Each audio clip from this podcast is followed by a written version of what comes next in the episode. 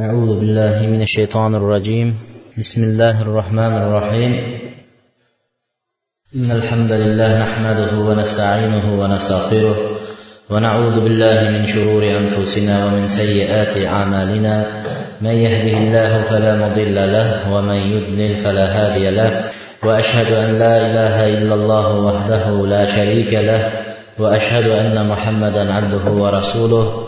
أما بعد assalomu alaykum va rahmatullohi va barakatuh. Bugun alloh subhanahu va taoloning fazli va tavfiqi bilan seshanba kunlik fiqhul hanafiya va adillatuha degan darsligimiz hanafiy mazhabdagi fiqh darsligiga jamlanib o'tiribmiz. Alloh subhanahu va taoloning go'zal ismlari va buyuk sifatlari bilan bu darsligimizni xolis o'zining roziligi uchun bo'layotgan dars bo'lishligini va avvalo o'zimga qolaversa barchamizga manfaatli bo'lishligini so'rab darslikni boshlaymiz. Avvalgi darsligimizda tahoratning sunnatlarini o'n ikkita sunnatini zikr qildik. Ba'zilari bizni mazhabimizda sunnat deb kelgan bo'lsa boshqa mazhablarda vojib deyilgan ularni ham zikr qildik va dalillarini aytib o'tdik.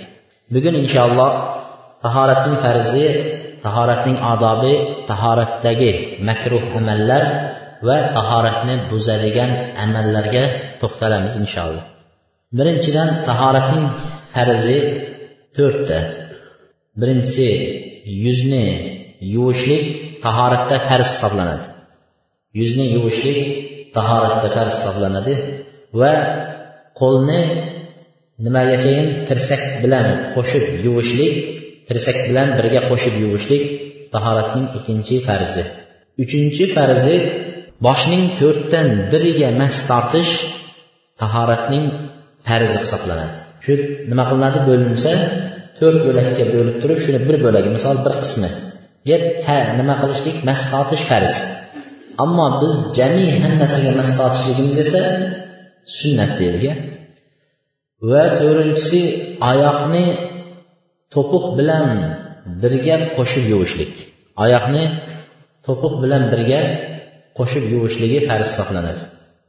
Tahorat odoblari tahoratning birinchi odoblari deydi balandroq tahorat qilayotgan kishi balandroq teparoq joyga o'tirib tahorat qilishligi yaxshi deydi.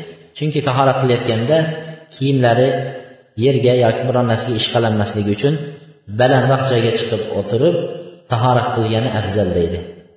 Ikkinchisi bu odoblar. Bu odoblarni shunday qilish shart ekan deb tushunib qolmasligimiz kerak. Kim qilsa yaxshi qilmasa uni gunohi yo'q narsalar. Ikkinchisi qiblaga ro'baro bo'lib tahorat qilayotgan vaqtda tahoratxonaga hojatxonada emas. Biz uni avval istinjo nimasida aytganmiz hojatxonada qiblaga oldini ham orqasini ham qilmaydi dedik.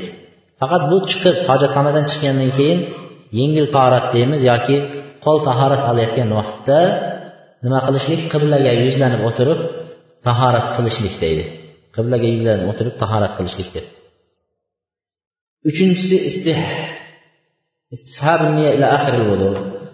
ya'ni tahorat qilishlikka qilishda tahorat qilib bo'lgunchayin shu niyatni alloh uchun bir ibodatga mana shu tahorat bilan qilish uchun ibodatni tahorat bilan ado etish uchun shu tahorat olyapman degan niyatni ko'nglida o'tkazishligi niyat qilishligi.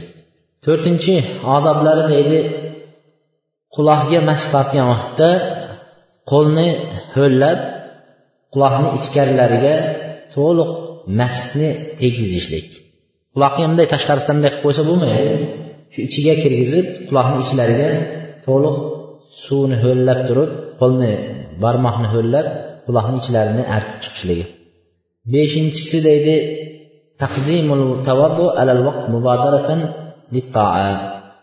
namozning vaqti kirishidan avval shu namozga tayyorgarlik qilib tahorat holatda bo'lib turishlik deydi. Namoz vaqti kirishidan oldin nima qilib turishlik? Tahorat qilib turishlik deydi. Namoz vaqti bo'lib azon aytilib qo'yib ana undan keyin tahoratga bizda nima qilamiz? Yuguramiz. Asli odoblardan biri ibodatga oldinroq vaqt kirishdan oldinroq tahorat qilib tayyorlanishligi. Oltinchi odoblari deydi tahorat qilib bo'lganidan keyin tahorat qilib bo'lindi. Bo'lgandan keyin biz avvalgi darsda ham aytdik har xil duolar aytishadi tahorat qilayotganda ham tahorat qilib bo'lganda ham unaqa duolar yo'q. Har xil duolar bizni mazhabimizda ham va boshqa mazhablarda ham unaqa duolar kelmagan.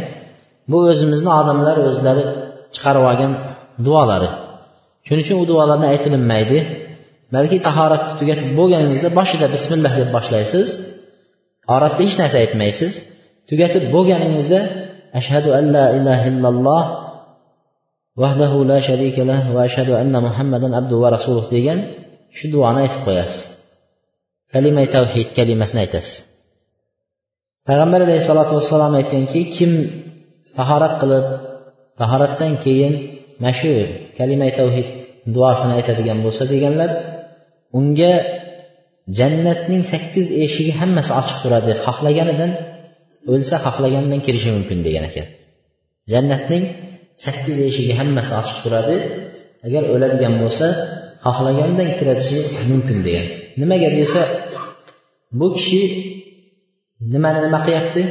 Ikkita tozalikni ikkita poklikni jamlayapti deydi. Birinchisi deydi birinchi poklik nima pokligi? Badan pokligi. Badaningizni tahoratxonaga kirib hojatxonaga kirib najosatdan tozalab tashqariga chiqib yengil tahorat bilan qo'lingiz yuzingizni oyoqlaringizni yuvib badaningizni pokladingiz endi. Ikkinchi poklik deydi ikkinchi tozalash bu nimangizni qalbingizni bema'ni bo'lgan allohdan boshqa narsalarga men ibodat qilmayman unaqa narsalarga men mutlaq ishonmayman. Men yolg'iz allohga ibodat qilaman. La ilaha illalloh allohdan boshqa iloh yo'q bitta allohga ibodat qilaman deb nimangizni pokladingiz qalbingizni aqidangizni iymoningizni pokladingiz. Boshqa har xil narsalardan shirklardan nima qildi? Iymonini poklayapti. Mana shu ikkita poklik jamlangan holatda jon bergan odam deydi albatta u jannatga kiradi. Albatta u jannatga kiradi. Shuning uchun payg'ambar alayhissalom shu hadisni aytdiki tahoratdan keyin kim shu kalimani aytsa va vafot etsa jannatga kiradi deydilar. Yettinchi odobi yettinchi odobi e, tajfif va e, nima qilishlik? Misol e, biz avval darsda ham tahoratni fazlni haqida gapirgan vaqtimizda ham aytdik. E, darrov nima qilib olmaslik? Sochiq bilan tahorat qilgandan keyin artinib suvni artib yubormaslik deydi. Bu bir odob deydi. Nimaga desa haligi aytganmizki har qatra har bir tomchi tushayotgan tomchi bilan qo'shilib gunohlar to'kiladi. Hatto tahorat qilganingizdagi oxirgi tomchi badaningizdan tushgunchayin shu oxirgi tomchigachayin ham gunohlar to'kilib turadi deydi. Shuni umid qilib turib artinmaslik debdi. Agar artinsa ham nima qilib yubormaslik debdi. Ha quruguncha artmasdan sal suvni nima qilib qo'ysa bo'ladi debdilar. Sakkizinchi odobi itolatil g'urra. Itolatil g'urra biz avval darsda ham aytgandik uni e, nimani? Tahorat fazillarida e, itolatil g'urra deb qiyomat kunida payg'ambar sollallohu alayhi vasallam jami ummatlarni ichidan o'zining ummatini ajratib oladi. Shunda qanday ajratasiz yo rasululloh deganlarida hadisning ma'nosida men ummatimning nima qilgan o'rinlaridan tahorat va sajda qilgan o'rinlarini yaltirab turishligidan ajrataman deganlar. Tahorat qilgan o'rinlari qanchalik masalan ko'p yuvilgan bo'lsa qayergacha uzun masalan nimani tirsakni qo'shib yuvgansiz peshonani oyoqni mana shu o'rinlar yaltirab turadi deydi. Xuddi g'urra otning qashqasiga o'xshab qop qora otlarni ichida qashqasi bor ot yursa egasi qanday tanigan bo'lsa payg'ambar alayhissalomning ummatlari qiyomat kunida xuddi shunday nima bilan e, belgi bilan yaltiroq g'urra o'sha nimalari bilan qashqalari bilan bilinib turadi dedilar. Shuni ko'paytirish debdilar. Shuni ko'paytirish degani tahorat qilgan vaqtlarida nima sochni chiqqan joylari bilan to'liq qilishlikda endi bunday aytganda chala chulp qilib e, biriga suv tegsa biriga suv tegmay bunday tahorat qilmasdan xotirjam tahorat qilayotgan vaqtda bu tahoratni o'zi alohida bir ibodat o'ziga berilgan savob ajr o'ziga berilgan mukofotlari bor. Shuning uchun gunohlarni to'kirib turishligini o'zi yetarli savob. Shuni nima qilishlik? Ko'proq qilishligi debdi e, abu hurayra roziyallohu anhu tahorat qilsalar ba'zida nimalari bilan deydi mana muskullari bilan qo'shib yuvib qo'yar ekan ya'ni qo'ltiqlarigacha qo'shib yuvar ekanda. Oyog'ini yuvsalar baldirlari bilan qo'shib yuvar ekan. Nimaga unday qilasiz deganlarida nima derdi men e, shu nimani e, g'urra qiyomat kunidagi qashqasini ya'ni inson o'zini belgisini ko'paytirishlikni xohlayman deydida. Payg'ambar alayhisalotu vassalom yanayam uzoqdan ham ko'rib taniydigan holatda qilib ko'paytirishni xohlayman deydi. Endi bunday qaraydigan bo'lsangiz umrida tahorat qilmaganlarchi namoz o'qimaganlarni qo'yavering alloh subhanava taolo qur'onda deydida. Namoz o'qiyotgan odamlarga vayl bo'lsin deydi. Vayl degani jahannamning bir do'zaxning bir oti. Vayl degan do'zax bor e, qoria e, e, lavo degan do'zax bor lavo deydi. Do'zaxlarni otlari bor ekan har birini. Jannatni ham nima? Otlari bo'lgan kabi do'zaxni ham otlari bor ekan. Namoz o'qimaydiganlarga vayl bo'lsin vayl do'zaxi bo'lsin deb aytishgan ekan. Ular qanday? Namoz o'qiydiganlar namoz o'qiydiganlarga vayl bo'lsin. Ular namozlarini kechiktirib o'qiydi sahvon beparvo deydida haligi vaqti kelsa ham ish bitib yuborsin keyin namoz o'qiyveraman hozir bir joyda edim keyin namoz o'qiyman. Namoz vaqti bemalol deb beparvo bo'lib namozlarga ko'ngil bo'lmasdan o'qiydiganlarga voyl bo'lsin deyapti endi. Namoz o'qimayotganlarchi endi? Namoz o'qimayotganlar nima bo'lar ekan? Endi tahorat qilmaganlar qiyomat kunida qanday bo'lar ekan endi? Hech tahorat qilmagan odamni belgisi bo'lmasa payg'ambar alayhissalom ummatlarni ajratayotganda haligi odam qayerda qoladi endi? Shunday shuning uchun tahoratni ham o'ziga yarasha ko'p fazli ko'p e, yaxshi nimalari bor ekan. Bu yerda to'qqizinchisi debdi an yashraba min fadli vuduihi qoima debdi. Tahoratdan keyin debdi nima qilishlik? Tikka turib o'zining o'sha tahorat masalan abdastida deylik yoki bir e, nimada idishda tahorat qildingizda keyin e, tahorat qilib bo'lib hamma mukammal bo'lganingizdan keyin shu idishda endi tabiiy nima qoladi? Suv qoladi. Shu suvdan debdi tikka turgan holatda ichishlik debdi. Shu ham debdi nima deb qo'yibdi? Bir odob debdi. Biz mazhabimizda shu biz o'qiyotgan kitobda kelgan e, bunga dalil qilib nizol ibn saburani hadislarini keltiribdi bu kishi aytadiki men ali roziyallohu anhuni peshin namozini o'qiganligini ko'rdim keyin insonlarning hojatlari uchun ya'ni insonlar ba'zi bir nimalarini o'zlarini hojatlarini kelib shikoyat qilib aytishadi shu masalalar uchun o'tirdi shu yerga deydi فلما حضرت الأسر أوتي بتور من ماء فأخذ منه كفان keyin asr namozi bo'lgan vaqtda idishda suv olib kelindi deydi. Shu idishdagi suvga yuzini qo'llarini boshlariga mas tortib oyoqlarini yuvdi ya'ni tahorat qildi deydi. Ali roziyallohu anhu asrgacha o'tirib asr namozi kelgan vaqtda tahorat qildilar. Keyin qolgan suvni oldilarda tikka turib ichdilar.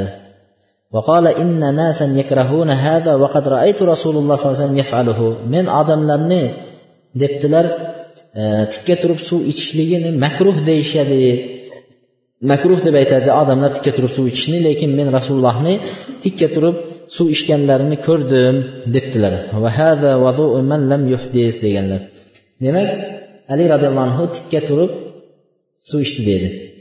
Bu yerda bir necha masalaga kiramiz. Bu hadis sunani nasoiyda kelgan. Bu hadisning qanchalik sahih ekanligini bilmadim. Ammo bundan shu tahoratdan qolgan suvni ichishlik bir fazilat ekan degan ma'no chiqmaydi. Tahoratdan qolgan suvni ichish. Chunki unga dalil yo'q. Dalil yo'q. Bizda ham tahorat qilib qo'ygandan keyin oxirida bunday qilib qo'lini deb qo'yishadi. Qo'lini so'rib qo'lini suvini so'rib qo'yishadi. Shuning uchun biz bir odamni tentakka chiqarishdan avval qarashimiz kerak. Bizni bobolarimiz ham bekordan bekor qilmagan shuni. Shu qo'lni so'rishligi ham shunday suv bilan. Ular ham ko'rdingiz sunani nasoida siz bilan biz ko'rmagan hadisga amal qilyaptida. Garchi u hadis zaif bo'lsa ham garchi hadis zaif bo'lsa ham tubi bor asosi borda shularni qilayotgan narsasini. O'shani qo'l nima suvini ichib qo'yishlik fazilat deyishgan yoki qolgan suvni tahoratdan qolgan suvni ichishlik bir yaxshi degan ma'no bor. Vallohu alam bu tahoratdan qolgan suvni ichishlik bunga hech qanday dalil yo'q men aytmoqchi bo'lganim. Ularning tavil bo'lsa kerak bu yerda. Tavil shuki agar bir odamga mabodo ko'z o'tib qolsa birovni ko'zi teggan bo'lsa deydi ko'z teggan bo'lsa.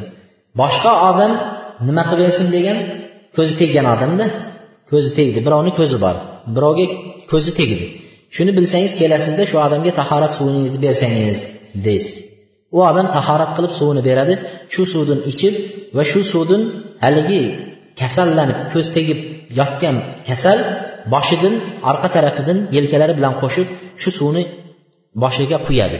Quyishi bilan haligi ko'z o'tib yotgan kim nima deydi isitmalab yotgan odam shifo alloh taolo tarafidan shifo berilib tuzalib ketadi.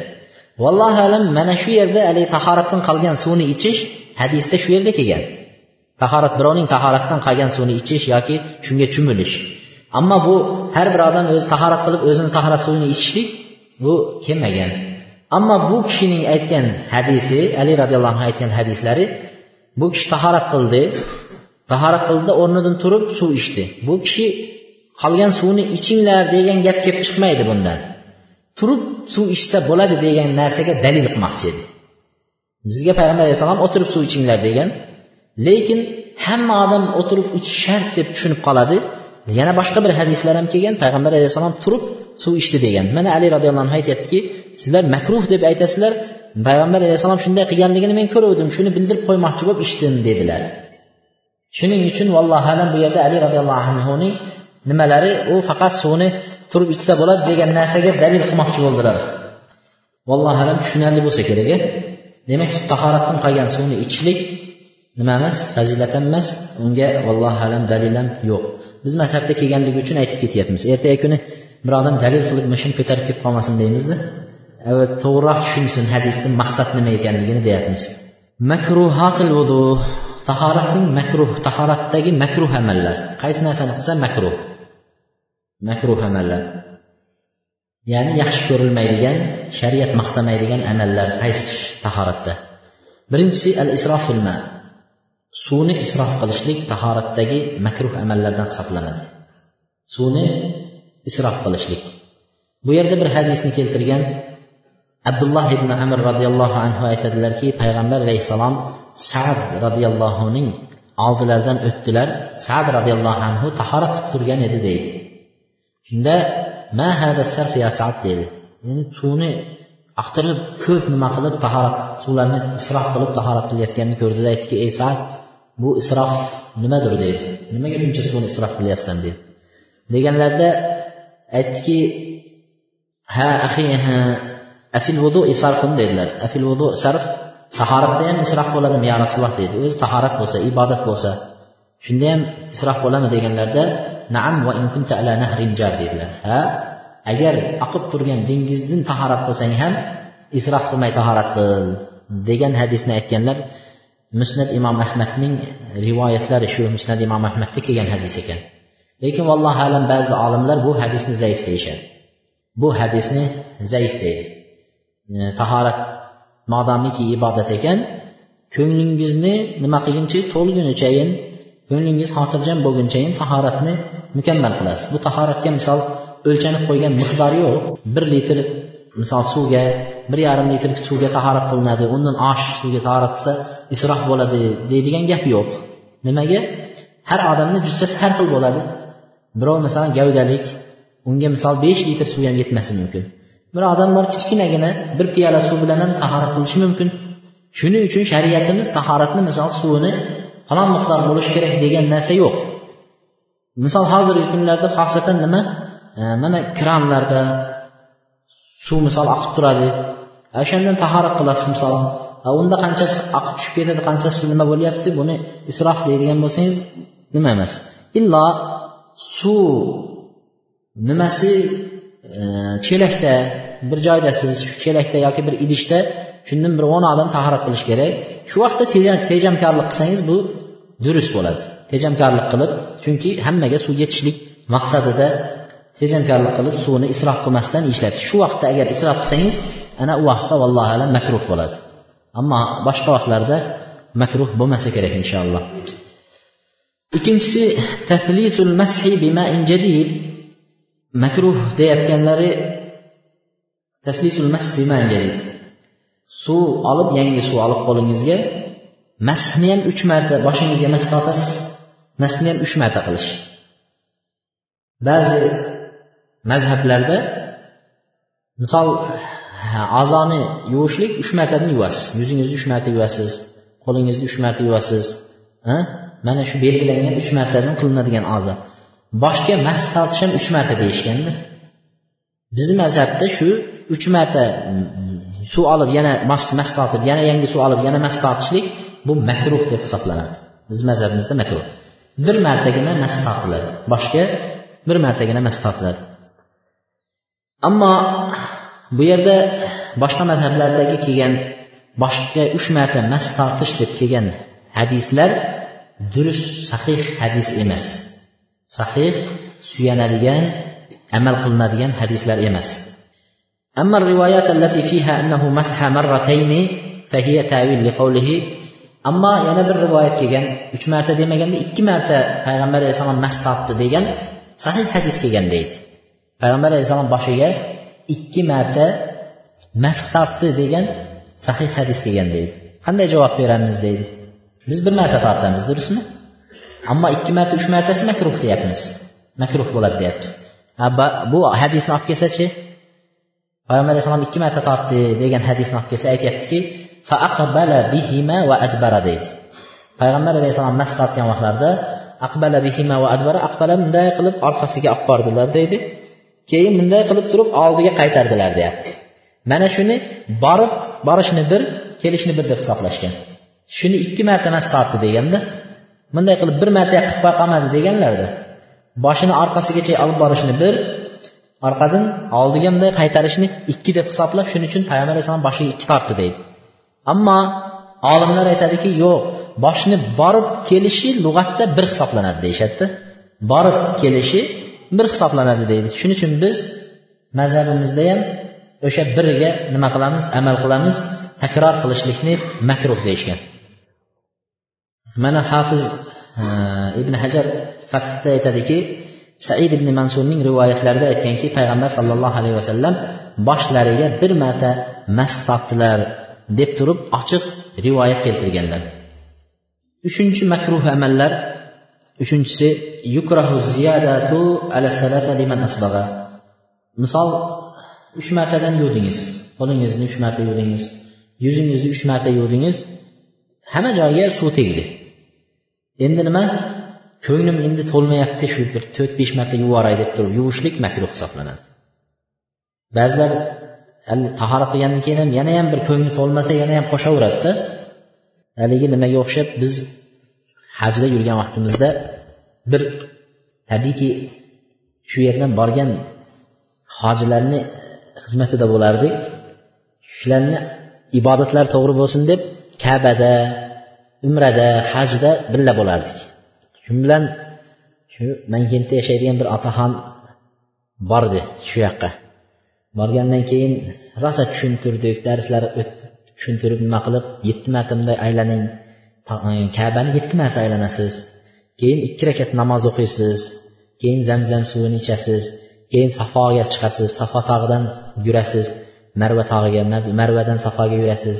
Borib kelishingiz bir hisoblanadi o'rgatdikda endi birga yetaklab ketyapmiz endi odam degan kabada cho'mali bo'lib ketgan yuradigan joy yo'q terlab ketgan kun issiq hamma shunday. To'rt million odam o'ylang bir mana shunday uyni ichida aylanyapti. Shunda haligi otaxonni ushlab olib aylanib aylanib qo'limni shunaqa ushlab olgan yo'qotmay yo'qotib qo'ymay deb ushlab olganda meni qo'limni ham haligi nimasini chiqarib yuboribdi o'zi ham qizartirib. Shuni aylanib yetti marta aylanib bo'lgandan keyin endi dedim mana yetti bo'ldi endi ikki rakat namoz o'qiymiz o chetroqqa chiqib desam aytadi. Sizlar deydi shu yerdasizlar deydi. Xohlagan vaqtinglarda kelib aylanaverasizlar. Biz shuncha joydan keldik yetti aylanganimiz uyat keyin men to'qqiz qilib qo'yay deb aylanib ketib qolyapti. To'qqiz qilib qo'yay deydi ha bu ibodat bo'lsa alloh taolo to'qqiz qil demadi. Amerikadan kelasanmi dunyoni narigi chekkasidan kelasanmi hammaga yetdida u ibodat ibodat. Ha bu to'qqiz qilib qo'yay deyaptida. Shuni shunga o'xshab haligi ba'zi odamlar tahorat qilsa tahorat deganda ko'ngli g'ash bo'lib haligi uch marta nima endi bir besh marta suv issiq bo'lsa turgan joyim issiq bo'lsa deb haligi qo'shadi shuni o'zi makruh deyaptida. Makruh. Shariat uch dedimi? Uch. Illo misol qo'lingizni yuvdingiz boshqa qildingiz bunday qarasangiz nima qilingan? Qo'lingizda misol bir joyiga suv tegmay qolgan bo'lsa ana unda shu joyini yana qaytadan yuvib qo'ysangiz bo'laveradi. To'rtinchi yo beshinchi. Ammo uch martada bo'lgandan keyin uni ortiqcha nima yo'q hojati yo'q. Payg'ambar sollallohu alayhi vasallam mana hadisda bir arobiy payg'ambar alayhissalom sahrodan bir ya'ni qishloqdan bir kishi payg'ambar alayhissalomni oldiga keldilar. Keldilarda tahorat haqida so'radilar. Qishloqdan kelib bir odam tahorat haqida so'radi. So'raganlarida aytdiki payg'ambar alayhissalom turib ko'rsatib berdilar. Turib ko'rsatib berdi. Misol aytsangiz tushunmasi ham mumkin. Nima bilan ko'rsatsangiz e, fe'lan qilib tahoratni ko'rsatsangiz nima qiladi? Eshitgandan ko'ra ko'rgani ko'proq aqlda zehnda yozilib qoladi. Shunday yodlab olasiz ko'rgan narsangiz. Shuning uchun payg'ambar alayhissalom unga qilib ko'rsatdi tahoratni. Uch martadan uch martadan qilib ko'rsatdi. Aytdilarki dedi. Mana bu tahorat dedilar. Payg'ambar alayhissalom qilib ko'rsatib aytdiki bu tahorat kim shunga ziyoda qilsa shunga qo'shsa dedilar yomonlik qilibdi haddidan oshibdi zulm qilibdi dedilar hech bir savoblik narsa yo'q. Hammasi yomon kalimalar aytgan. Asaa yomon tahoratni rasvo qilibdi degan. Taadda haddidan oshibdi deydi. Shariat ko'rsatgan chegaradan chiqibdi degani zalama o'ziga o'zi zulm qilibdi dedilar. Shuning uchun tahoratni demak uchdan uch marta uch marta yuvishdan ziyoda qilishlik joiz emas. To'rtinchisi makruhlardan to'rtinchisi al istianatu بغيره من غير عذر ومع العذر تنتفئ الكراهة debdi uzrsiz boshqa odamdan tahorat vaqtida yordam olish ko'mak olish boshqa odamdan yordam olsangiz ko'mak olsangiz misol quyib turchi suvni quyib tur menga yoki bo'lmasam shu nima qilib tahoratingizda o'sha odam yordamini olsangiz uzr bo'lmay turibdi deydi. Ammo uzr bilan nima qiladi deydi? Bo'laveradi deydi. Masalan yotib qolgan kasal bo'lib qolgan odamga boshqa odam kelib tahorat qildirib qo'ysa bo'laveradi yotib qolgan odamga. Debdi. Bu yerda endi hozir bir ikki narsaga to'xtalamiz. Bu mazhabdagi nima tahoratda boshqa odam sizga suvni quyib turishi yordamlashishligi durust emas degandalarning dalili vallohu alam ularni dalili bizni mazhabni dalillari. Vallohu alam nima? Tahorat ibodat. Xuddi namozga o'xshaydi ro'zaga o'xshaydi. Namoz o'qiyotganingizda bir rakat o'qib charchaganingizdan keyin ikkinchi rakatni sen o'qib yuborchi demaysizu durustmi? Men charchab qoldim ikkinchi rakatni sen davomlatib yubor demaysiz. Ro'za tutsangiz obedgachayin tutib obeddan keyin qarnim ochdi uyog'iga sen davomlatib ket demaysiz. Tahorat ham xuddi shunday deyishgan ekan. Tahoratni ham boshidan oxirigacha savobi sizniki suv oqayotgan suvdan to'kilayotgan gunoh sizdan to'kiladi. Shuning uchun boshqa odamni unga aralashtirmanglar demoqchida. Bizni mazhabdagi dalil vallohu alam shu. Ammo umumiy oladigan bo'lsak tahorat vaqtida endi bunday deydigan bo'lsak ham bizga qiyin bo'lib qoladida. Tahoratni boshqaning ko'magi bilan tahorat qilsa bo'lmaydi deydigan bo'lsak unda o'zini o'zi oqib tushayotgan shalalalardan masalan sharsharalardan suvidan tahorat qilsa bo'lmaydi kranda oqib tushayotgan kranni suvidan tahorat qilsa bo'lmaydi deb sekin sekin qiyinlashib ketaveradi. Shuning uchun vallohu alam bu bizni mazhabni aytgan nimalarida nima yo'q e, bir dalil emas deymiz. E, bu yerda boshqa dalillar turibdi. Payg'ambar alayhissalomdan kelgan dalillar. E, rabia ibn kabil aslamiy rabia ibn kabil aslamiy roziyallohu anhu yosh yigit edi. Shu kishi judayam yosh yigit edi.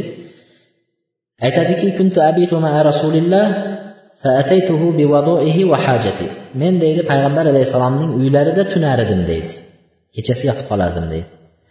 Va ertamanda tahorat suvlarini tayyorlab turardim deydi. Yosh bolani qarang qiladigan ishini tunab ertaman tahorat suvlarini tayyorlardim. Keyin bir kuni shu tayyorlab suvni olib kelgan vaqtlarida payg'ambar alayhissalom aytdilarki ey rabia so'rang dedilar. So'rang. Nimani so'rasangiz so'rang deyaptida yosh bola. Payg'ambar alayhissalom kim yaxshilik qilsa yaxshilik bilan mukofotini berardi. Biron narsani qoldirmaganlar. Har bir narsani haqlarini ado etgan. Shuning uchun aytdilarki yaxshilik qildimi bola? Payg'ambar alayhissalom shu bolani ham past tutmasdan boshqa qilmasdan aytyaptiki so'rang. Nima narsa kerak so'rang dedi. Deganlarida haligi bola aytdiki qultu as'aluka murafaqataka fil janna dedilar. Haligi bola aytdiki ya rasululloh men siz bilan birga jannatda yoningizda bo'lishni so'rayman dedi. Qarang so'rayotgan narsasini. Biz agar dadamizga misol bir kun tahorat suvsin bombatda masalan tayyorlab qo'ysak. Dadamiz aytsa bolam so'ra desa dada mashina olib berasizmi? deymiz. Yo bo'lmasa dada bir narsa olib berasizmi? deymiz. Darrov pul bilan chaqamiz bizlar pul bilan hisoblaymizda. Bu kishini so'rayotgani jannatda siz bilan birga bo'lsam deydi. Haligi kishi shunday dedilar. Bola rabia shunday dedi. Deganlarida payg'ambar alayhissalom aytdi bundan boshqasini so'rang dedilar. Jannatda birga bo'lishni so'ra bundan boshqasini so'rang dedilar. Ko'ryapsiz payg'ambar alayhissalom naqd bir narsa bersam bir ko'nglini xursand qilsam deyapti.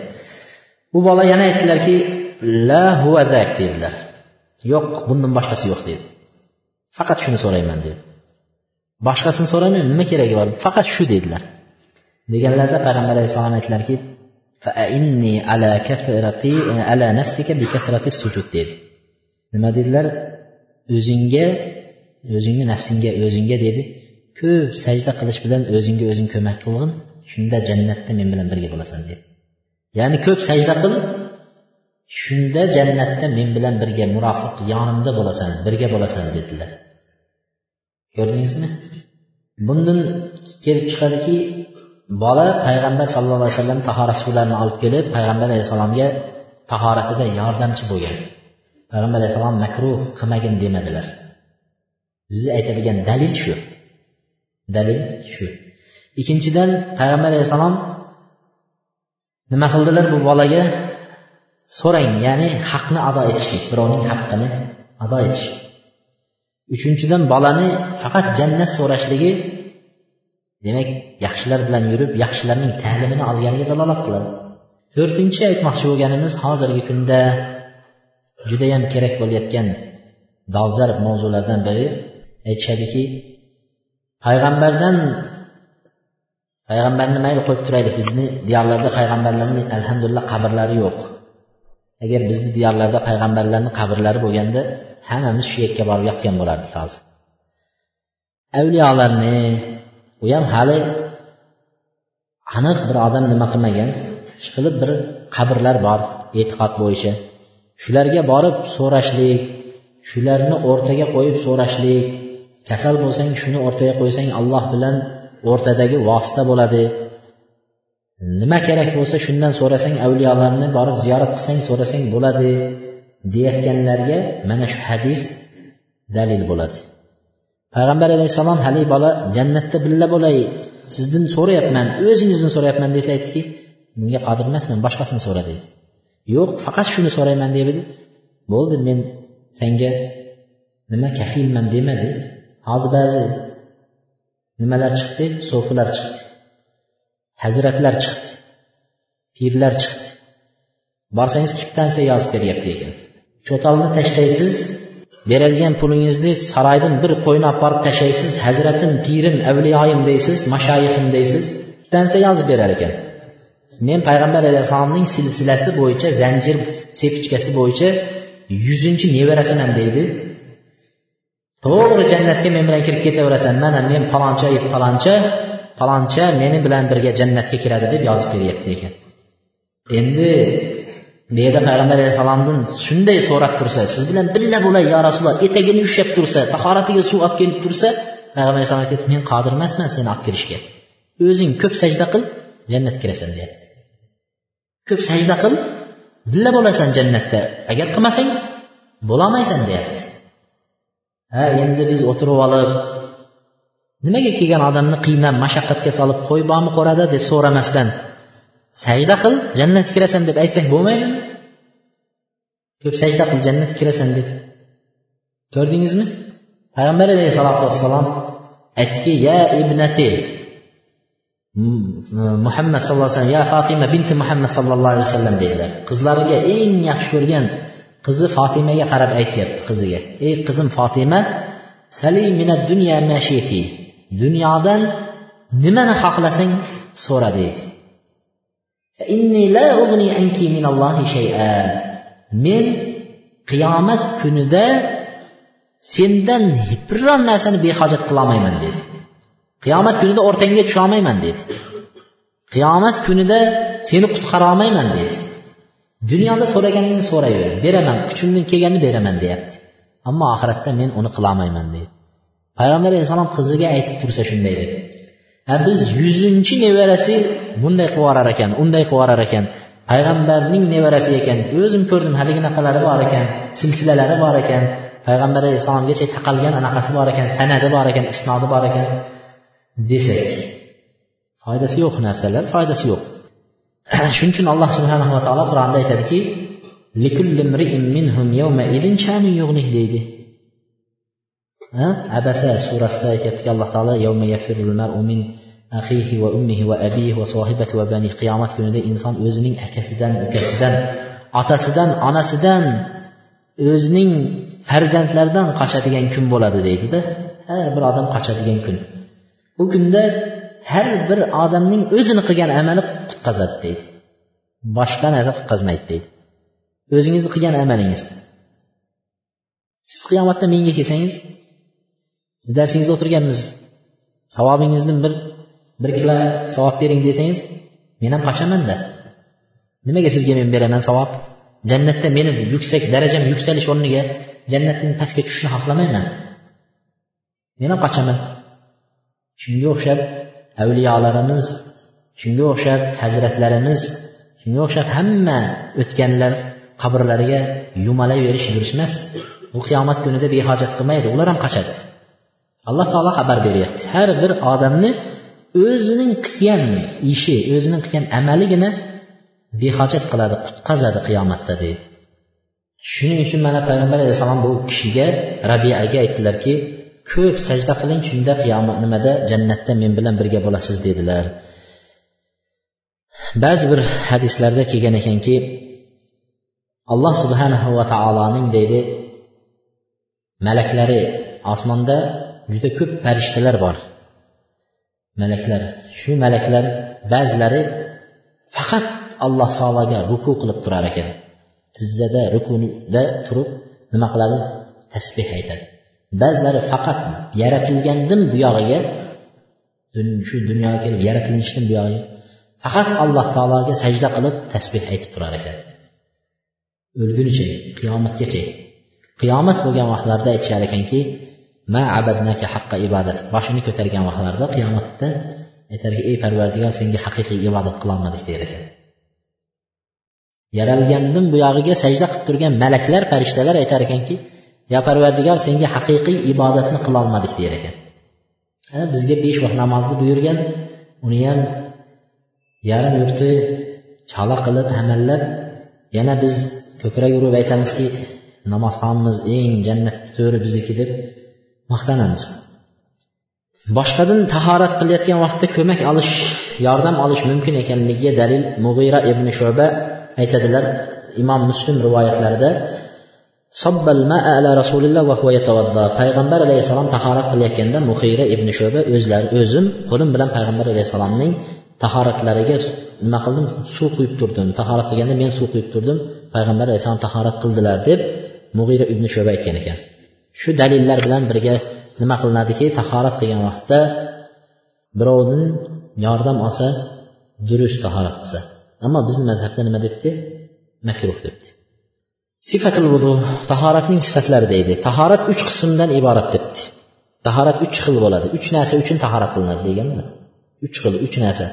Birinchisi tahorat qilish farz bo'ladi. Ikkinchisi tahorat qilish vojib bo'ladi. Uchinchisi tahorat qilish mandub bo'ladi. Mandub mustahab. Mustahab bo'ladi. Birinchi tahorat qilish farz bo'lgani tahorati yo'q odam namoz o'qishi uchun tahorat qilib o'qishi farz. Namoz. Tahorati yo'q odam namoz uchun tahorat qilib o'qishi farz. Agar nafl namoz o'qisa ham baribir nima bo'ladi? Tahorat qilish farz. Odamlarni o'rgatish uchun tahoratsiz masjidga olib kirib namoz o'qisa bo'ladimi yo'qmi? Birovlar aytadiki nima deydi? O'rgatish uchun deydi tahoratsiz ham o'qisang bo'ladi? deb fatvo berganda avvallari. Hatto o'rganib olgandan keyin deydi u yog'iga o'zi tahorat qilib o'qib ketadi deydi. Bu durust emas. Shariat modomiki bizlarga nimani ko'rsatgan bo'lsa shuni ochiq odamlarga aytishimiz kerak. Misol bizga aytmayaptiki e, shariat islomga birovni kirgizadigan bo'lsang boshida biroz yolg'on gapirib aldab kirgizib ol keyin islom tushungan keyin yog'i o'zi tushunib ketadi deyish joiz emasda. Islom dini boshidan rostlik to'g'ri gaplik adolatlik birovni aldamaslik haq narsani o'rgatadi. Biz birovni aldab suldab olib kelib keyin oxirida e, haligi aytganim aytib qo'yavergan edim hazil edi. Endi bu yog'iga endi bunday qilasiz deyishlik durust emas shuning uchun bu fatvolar joiz emas. Haligi unaqa qilib tahoratsiz kelib keyin tahorat o'qisa bo'ladi deb. To'g'risini aytish kerak. Tahoratsiz namoz namoz emas.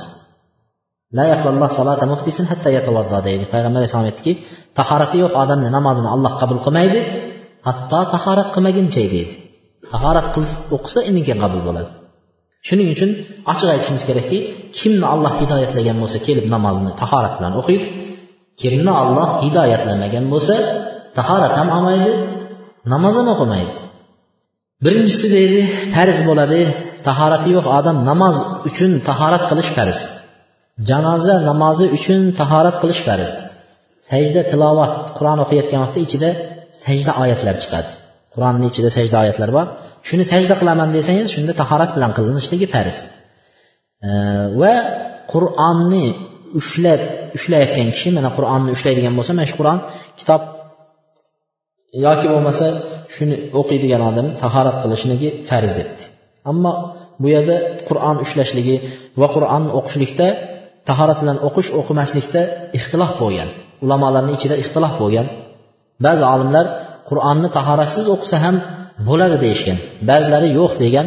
Biz qur'on odoblari darsimizda qur'onni tahorat bilan o'qishligi afzal deb o'tganmiz. Tahoratsiz o'qimagan yaxshi qur'onni tahorat bilan o'qishlik kerak deb o'tib ketganmiz. Tahoratsiz o'qisa bo'ladimi qur'onni? Degan savol ham bo'ladi tahoratsiz. Uzrlik bo'lsa tahoratsiz o'qisa bo'ladi. Uzrlik bo'lsa tahoratsiz o'qisa bo'ladi. E, misol mana hozir e, madrasalarda rasmiy madrasalar yoki arab davlatlarida bizlarda ham madrasalarda bor lekin arab davlatlarida har nimalar maktablar va har madrasalar nima? Rasmiy madrasa hisoblanadi. Shu yerlarda e, qur'onni dars bor. Qur'ondan dars o'tiladi haftasiga ikki soat uch soat to'rt soat dars bo'ladi. Ana shu madrasada o'qiyotgan ayollar yoki o'qituvchilar ayollar uzrlik holatlari bo'lib qolsa uzrlik holat oy sayin keladigan uzrlik holat yetti kun bo'ladi besh kun bo'ladi boshqa bo'ladi. Shu kunlarda misol madrasadan g'oyib bo'lib bormasdan yoki bo'lmasa o'sha qur'on darsiga kirmaslikka haqlari yo'q. Durustmi shunga kirishadi. Shunga ulamolar fatvo berganki shunday holatlarda majburiyat holatlarida uzrlik bo'lib turib ham qur'onni tahoratsiz o'qisa bo'ladi deydi. Tahoratsiz o'qisa bo'ladi deydi. Yoki unutib qo'ymasligi uchun qur'onni unutib qo'ymasligi uchun shunaqa holatlarda tahoratsiz o'qisa bo'ladi deydi. Tahoratsiz o'qisa bo'ladi degan tahorat vojib bo'ladiganlari biz tahorat farz bo'ladiganini aytdik tahorat vojib bo'ladiganlari tavof bu yerda vojib bilan farzni e, farz bilan vojibga ajratgan bizni mazhabda. Farz bilan vojibga ajratyapti. Farz degani shuni qilmasangiz ibodatingiz botil bo'lib ketaveradi. Ya'ni qabul bo'lmaydi degani. Tushundingizmi? Tahorat qilmasdan namoz o'qisangiz botil qabul bo'lmaydi degani. Farz shu. Vojib degani vojib degani shuni qilmasdan tahorat qilmay qilib qo'ysangiz uni o'rniga bir qo'y so'yib berib ish tarafiga deymiz masalan. So'yib berib qutulsa bo'ladi deganda. Shunday shunday ma'no tushuniladi. Tushundingizmi? Fidya. Fidya to'lasangiz ibodatingiz qabul bo'laveradi degan. Farz haligi farz endi vojib. Vojiblari qaysi? Tahoratni misol kabaga borib hajga borganingizda yo umraga borganingizda kabani aylanasiz kabani tavof qilasiz. Tavof qilayotganda tahorat bilan kabani aylanishlik farz nima deydi? Vojib deyishadi. Mabodo tahoratsiz aylanib kelgan bo'lsangiz kabani uyingizga keldingiz mana. Keyin siz bilmadingiz u yerni tahorat bilan aylanishlikni misol. Bir odam aytdiki siz tahoratsiz aylanibsiz desa endi siz shuni fidyasiga bir qo'y so'yib bersangiz nima? Ibodatingiz qabul deganida tushundingizmi? Shunday demoqchi. Demak payg'ambar sallallohu alayhi vasallam bunga dalil aytishyaptiki tahorat bilan kabani aylanishlik vojib deganga dalil aytyaptiki kabani tavof qilishlik xuddi namozga o'xshagan debdi. Namozga o'xshaydi. Faqat tavof vaqtida kabani aylanayotgan vaqtda nima? Qiblaga ro'baro bo'lish shart emas kabaga qarab aylanish shart emas. Keyin nima qilinishligi? Yoningizdagi kishilar bilan gaplashib u yoq bu yoqqa o'girilib burilib yursangiz bo'laveradi deganlar. Yursangiz bo'ladi. U yoq bu yoqqa qarab boshingizni qimirlatib boshqa namozda boshingizni burmaysiz. Birov bilan gaplashmaysiz. Bu tavofda shu durust degan. Mana shuni dalil qilib bizni mazhab kabani aylanayotganda tavofda tahorat shart. Chunki payg'ambar alayhissalom u namoz deyapti. Namozga o'xshash deyapti. Namozga o'xshagandan keyin janoza janoza ham namozga o'xshash narsa. Sajda tilovati hammasi shunday bo'lganki bular barida tahorat shart deyapti. Ammo boshqa olimlar aytadiki boshqa olimlar aytadiki yo'q u tahorat sunnat deyishgan ekan. Kabani aylanayotgandagi tahorat sunnat degan ekan. Bunga shayx usaymin rahmatullohi alayhi ham mana shu sunnat degan gapga qo'shilishadi. Sunnat degan gapga qo'shiladi. Qo'shilib aytadiki mabodo kabani tahorat bilan aylanayotsangiz tahoratingiz buzilib ketdi. Misol nima qildingiz? Olti marta aylandingiz kabani. Yettinchi marta aylanishga kelgan vaqtda endi yettinchisiga yana tahorat ketdi. Ana endi ana shu vaqtda tahorati ketgan odam bizni mazhabdan shu joyda chiqib ketadi. E vojib emas ekan deydida tahorat. Tahoratsiz ham aylansa bo'ladi deb birini o'ziyoq aylanadi.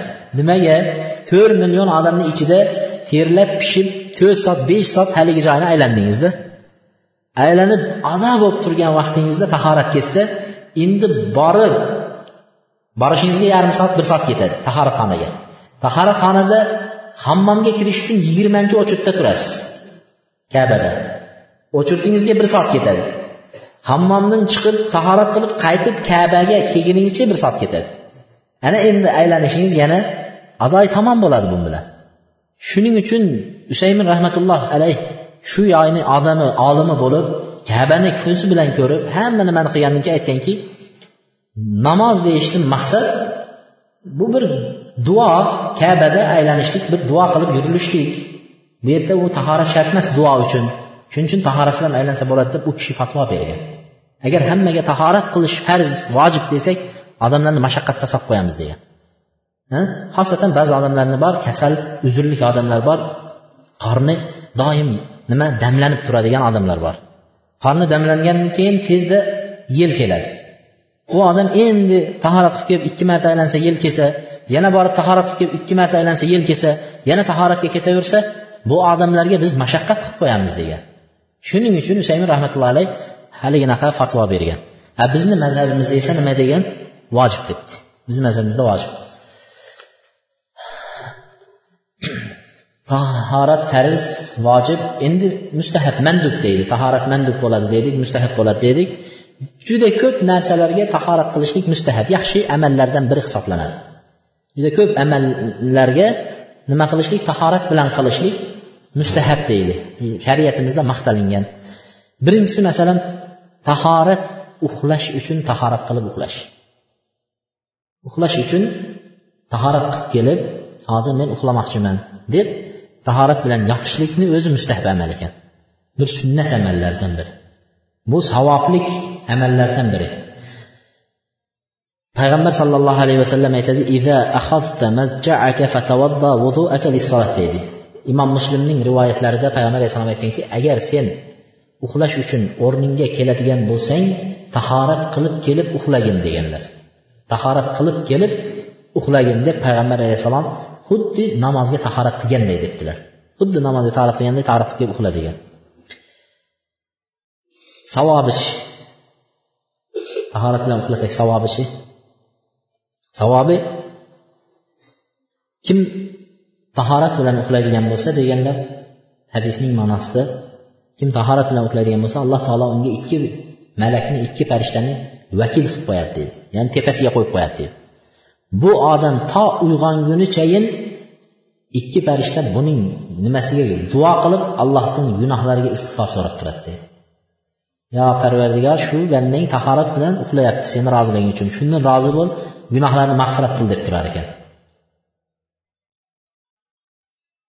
Shayton mana shu joylarda ezilib ketadida kun bilan yurib ig'vo qilib u qilib bu qilib gunohlar qildirib bandani o'zim bilan do'zaxga olib ketaman deb tursa oddiy bir tahorat bilan uxlayapsa ham gunoh kechirilib yotaversak allohning mehribonchiligi arhamar rahimin ekanligi mo'minlarga eng rahmati bilan haqiqatdan o'zining fazli bilan jannatga kirgizishi shu yerda ko'rinadida. Bo'lmasa hech birimiz qilayotgan ibodatimiz bilan jannatga kirolmaymiz qilayotgan ibodatimiz o'zi allohning ne'matini oldida zarracha ham emas bizni ibodatimiz. Payg'ambar alayhissalom aytganki degan. Qiyomat kunida hatto sovuq suv haqida ham so'ralasizlar. Bir sovuq bir qultum suv sovuq suv ichsangiz shu ham eng katta ne'mat. Shu haqida ham so'ralasizlar dedilar. Demak sovuq suv issiq suv boshqa olayotgan havo bu ne'matlarning hammasini so'ralaversak bu biz jannatga kirolmay ham qolamizda. Faqat allohni rahmati mana shu uxlasak ham gunohimiz kechirilib masjidga kelsak ham alloh taolo gunoh kechirilib mana shu jamoatda o'tirishligimizni o'zida ham alloh taolo nima deydi? Biror banda allohning zikri bo'layotgan allohning mana shu allohni roziligi uchun bo'layotgan darslar bo'lsin halaqa bo'lsin shu joyda jamlansa allohning mm, nima dunyo kezib yuradigan malaklari farishtalar bo'lar ekan shu joyga kelib to allohning huzurigachayin tomosha qilib haliginday qarab turar ekan. Mana shu joy nur yog'ib turgan joy deb hisoblanaveradi. Mana shu joy allohning huzurida nazari tushgan joy deb hisoblanaveradi. Bandalarim nimani so'rayapti desa jannatni so'rayapti. Jannatni ko'ribdimi desa yo'q deydi. Nimani yana so'rayapti? Do'zaxdan panoh tilayapti. Do'zaxni ko'ribdimi? Yo'q deydi. Farishtalarni alloh taolo guvoh qilib aytar ekanki hammanglar guvoh bo'linglar. Shu o'tirgan majlisdagi barcha bandani gunohlarini kechirdim der ekan. Gunohlarini kechirdim der ekan. Bu ichida kimdir to'g'ri niyat kimdir boshqa farq etmas ekan. Farq etmas ekan. Shuni hammasini gunohini kechir bu allohni rahmati bo'lmay nima bo'ladi? Faqat kelishimiz ketishimiz kirishimiz chiqishimiz masjidga darsga boshqaga uxlashimiz namoz nima tahorat bilan. Gunohlar nima qilinadi? Kechirilib turadi gunohlar. Vudu alal vudu nima dedik? Mustahab amallardan mandub amallardan sunnat amallardan tahoratni yana tahoratingiz bo'la turib nima qilishlik? Yangilab qo'yish tahoratni. Yangidan tahorat qilib qo'yish. Payg'ambar alayhissalom aytdiki man ala tuhrin kataballohu lahu ashra hasana.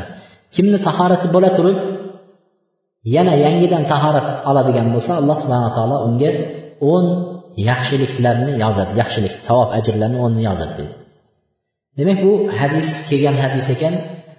Payg'ambar alayhissalom rivoyat qilgan hadis tahorati bor odam ham ustiga tahorat qilsa bo'laveradi tahorati bor odam.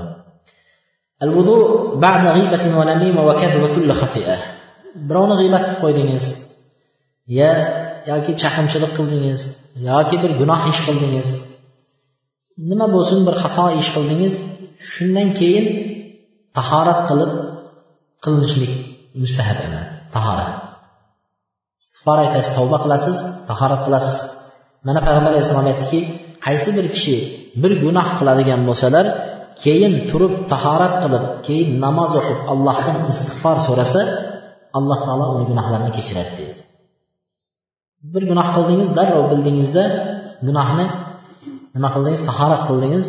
Tahoratda gunohlar to'kiladi. Ikki rakat namoz o'qiysiz. Namozni nafl deb o'qiyverasiz ikki rakat namoz niyat qilib o'qiyverasiz keyin astag'firulloh astag'firulloh deb istig'for aytasiz. Ana alloh subhanaa taolo gunohlarni nima qilar ekan? Kechirib yuboradi deydi keyingisi qabla g'aslil janaba junub ayolga yaqinlik qilgandan keyin inson yuvinishligi vojib. G'usul qilish. Shu g'usulni qilishdan avval tahorat olishlikni ha olish ham sunnat amallardan g'usuldan oldin to'g'ridan to'g'ri kelib misol hozirgi kunda nimalar bor? Dush bor. To'g'ri kelib odam dushni yoqib dushni tagiga tushib ketishi durust emas avval tahorat qilib olishligi kerak. Ana undan keyin jamiy badanni nima qiladi? Yuvadi. Biz g'usulni g'usul bobida aytamiz. G'usulni g'usul darsligi o'tgan vaqtimizda tushuntirib o'tamiz. Aksar bir birodarlar hali g'usul qilishni ham durust bilmaydiganlar ham bor. G'usulni durustlab qilishni ham bilmaydiganlar bor. Mana bu yerda oysha roziyallohu anhodan vorid bo'lgan hadisda payg'ambar alayhissalom deydilar agar janobatdan g'usul qilishni xohlasalar ya'ni jimodan keyin g'usul qilishni xohlasalar qo'llarini idishga tiqishdan avval qo'llarini yuvardilar. Qo'llarini birinchi yuvib olardi uch marta. Keyin avratlarini yuvardi tozalardi deydi suv bilan.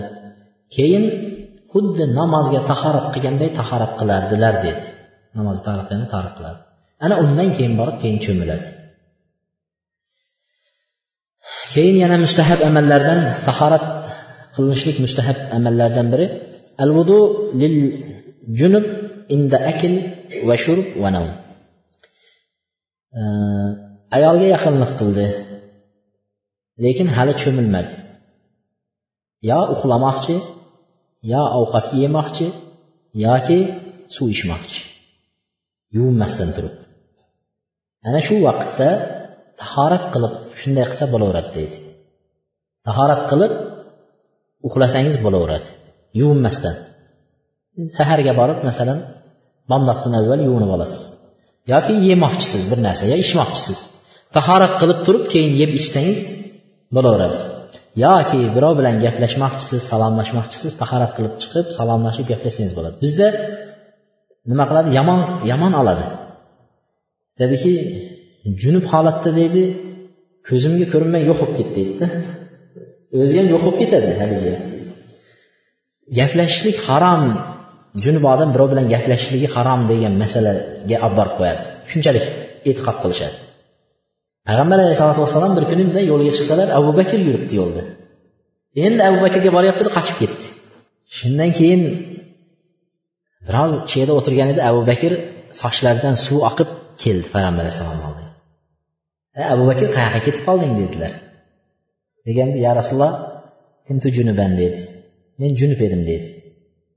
Junub edim yana ayolga yaqinlik qilib endi tashqariga bir suvga men bir narsaga chiqqandirda chiqqanda endi sizni ko'rib qoldim siz bilan gaplashishlikni nojo'ya ko'rdim dedi. Junub holatda yuvinmay turib dedi. Shuning darrov bekinib ketdim degan edi. Innal muslim la yanjus dedi. Musulmon najis bo'lmaydi dedi.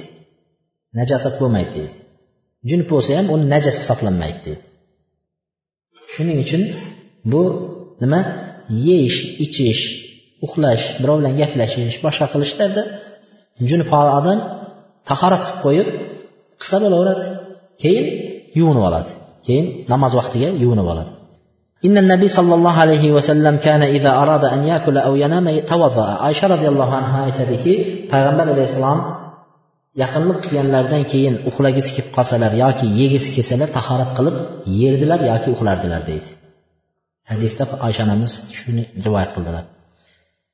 Bu yerda yana biz kitob bo'yicha ketayotganimiz uchun uni tashlab ketmaymiz. Al vudu al vudu livatin debdi. Tahorat qilish yana mustahab ya'ni sunnat amallardan biri. Ayolga yaqinlik qilgandan keyin birozdan keyin yana inson nafsi xohlab yana jimo qilishni xohlab qoladigan bo'lsa tahorat qilib nima qilishligi yaqinlik qilishligi afzal deganlar. Ammo avratni o'zini yuvib turib yaqinlik qilsa ham joiz lekin tahorat qilishligi afzalroq. Bunga dalil abu rofi aytadilar payg'ambar alayhissalotu vassalom bir kunda ayollarining hammasini nima qilib chiqdi? Ziyorat qilib chiqdi dedilar. Bir kun hamma ayollarniki kirib chiqdi. Yag'tasil inda hadi va inda hadi. Har bir ayolnikiga kirganda har biri bilan yaqinlik qildilar deydi va buni bilan yaqinlik qilib yuvinib keyin ikkinchisinikiga borardi. U bilan ham bo'lib yuvinib shunday qilardi. Har birida yuvinardi. Yag'tasil degani ya'ni nima qiladi? Tahorat qilib قال قلت له يا رسول الله ألا تجعل غسلا واحدا قال هذا أزكى وأطيب وأطهر دي بيت هم مثلا بر يونق فاقا ما يسمى بو تازرق فاكرق ويخشرق تر دي دلر تازرق فاهرا يخشرق تر أبو سعيد الخدري رضي الله عنه هاي تدكي إذا أتى أحدكم أهله ثم بدأ له أن يعاود فليتوضى بينهما وضوءا. هبزت كم أيالي يحمل قلب. أنك إن ينا إكين جمارته ishtaha qilib qoladigan bo'lsa dedilar nima qilsin? Tahorat qilsinlar dedi. Oraliqda tahorat qilsin dedi. Yana tahorat mustahab bo'ladigan amallardan biri g'azab chiqqan vaqtda tahorat qilish. Odamni achchig'i chiqib g'azabi chiqqan vaqtda tahorat qilishligi. G'azab deydi payg'ambar alayhissalom shaytondandir dedi. Shaytondan shayton vasvasa qiladi odamni. G'azabini qo'ziydi tezroq nima? Alanga chiqarishni xohlaydi. Shayton o'tdan yaralgan deydi. O't deydi suv bilan o'chadi. Agar sizlarni bittanglar g'azabi kelsa darrov tahorat qilsin g'azabi o'chadi dedilar. O'tga suvni quysangiz o'chgan kabi g'azabi chiqib turgan odam tahorat qilsa g'azabidan nima qiladi tushadi. Yana boshqa nimalarda aytadiki bu yerda e, tahorat qilish mustahab deb keltiribdi. Tuya go'shti yegan odamlar tahorat qilishligi. Tuyani go'shtini yegan odamlar. Payg'ambar sallallohu alayhi vasallamdan tuya go'shti haqida so'raganda aytdilarki tavabbau minha tuya go'shti yegan odamlar tahorat qilsin degan. Endi uni hikmati nimaga? Nima uchun tahorat qiladi? Shunchalik tuyani go'shti qattiqmi yeyotganda tahorat buzilib ketadigan desa endi bilmadik u tuyani go'shti unaqa qattiq ham emas lekin alloh biladi uni hikmatini payg'ambar alayhissalom buyurdi. Buyurgan narsasini biz qabul qilaveramiz. Tuyani go'shtini yegan odamlarga tahorat qilishlikni buyurganlar. Keyin al vudu min massi farji man massa farjahu bi batni kaffayhi bidun ha'il deydi kim qo'lining ichki tarafi bilan kaf kafti bilan kafti bilan o'zining avratini ushlaydigan bo'lsa tahorat ketadi. shu narsani yaxshi e'tibor berib olinglar ba'zilar misol qashinib qolsa boshqa bo'lsa yoki kiyim almashtirayotgan vaqtlarda ichki kiyim almashtirayotgan vaqtlarda yoki bo'lmasa yuvingandan keyin artinayotgan vaqtlarda sochiqda o'zining avratini qo'li bilan ushlab qo'ysa tahorati yo'q deb hisoblanadi qaytadan nima qilish kerak tahorat olishlik kerak lima rawat بسرى بنت صفوان أن النبي صلى الله عليه وسلم من مس ذكره فلا يصلي حتى يتوضأ mana busra binti safron roziyallohu anhu rivoyat qilgan hadisda nima dedilar payg'ambar alayhissalom aytdiki kim o'zining avratini qo'li bilan ushlagan bo'lsa namoz o'qimasin hatto tahorat qilguncha dedi tahorat qilmasdan o'qimasin namoz dedilar Tahorat qilib nima qiladi? Keyin namoz o'qiydi. Bu yerda bidun hayl degan. Ammo misol qo'lingiz bilan avrat orasida latta bilan ushlasangiz yoki bo'lmasa ich kiyimingiz bo'lsa yoki kiyimingizni ustasangiz nima bo'lmaydi? Qo'lingiz tegsa hech narsa bo'lmaydi. Tahorat ketmaydi. Endi kelib chiqadi ayollar farzandlarini yosh bolalarini misol nimasini almashtiradi? Kiyimini e, nimalarni alishtiradi? Masalan najosat bo'lib qoladi emiziklik bolalarni hozirgi kunda mana pamperslar boshqa narsalarni alishtiradi yoki beshikka soladi beshikdan oladi. Shu vaqtda masalan bolasini nimasini ushlab qo'yishi mumkin? Avratini boshqa. Tahorat ketadimi deganda ba'zi olimlar ketadi degan. Umumiy shu hadis bo'yicha degan. Ba'zilar aytganki bu uzrlik holat chunki judayam ko'p takrorlanadi. Bir kunda uch to'rt besh martalab ayol kishi shunga zarurat bo'lganligi uchungina unga ruxsat deyishgan ekan. Vallohu alam. Keyin bu yerda yana qiziqi shuki busra binti safvon roziyallohu anha mana shu hadisni ayol kishi rivoyat qilib berishi ham bunday nimalarni biz o'zimiz aytolmay ba'zi joylarni tashlab sakrab o'tib ketib qolyapmiz. Lekin bularning vaqtida oysha onamiz va bunga o'xshagan ayollar uyalmasdan din masalalarini ochiq to'liq yetkazib berishligi haqiqiy omonatga xiyonat qilmaganligida uyalmasdan aytib shu hadislarni yetkazib berganligi vallohu alam biz tahoratni buzadigan amallarga kelgan edik ammo ular ko'proq bo'lganligi uchun keyingi darsimizga qoldiramiz tahoratni buzadigan amallarni keyin tahorat buzadigan amallar bilan qo'shib nimani o'tamiz g'usul bobini o'tamiz inshaalloh hozir xufton namozini o'qiymiz سبحانك اللهم وبحمدك أستغفر الله وأتوب إليك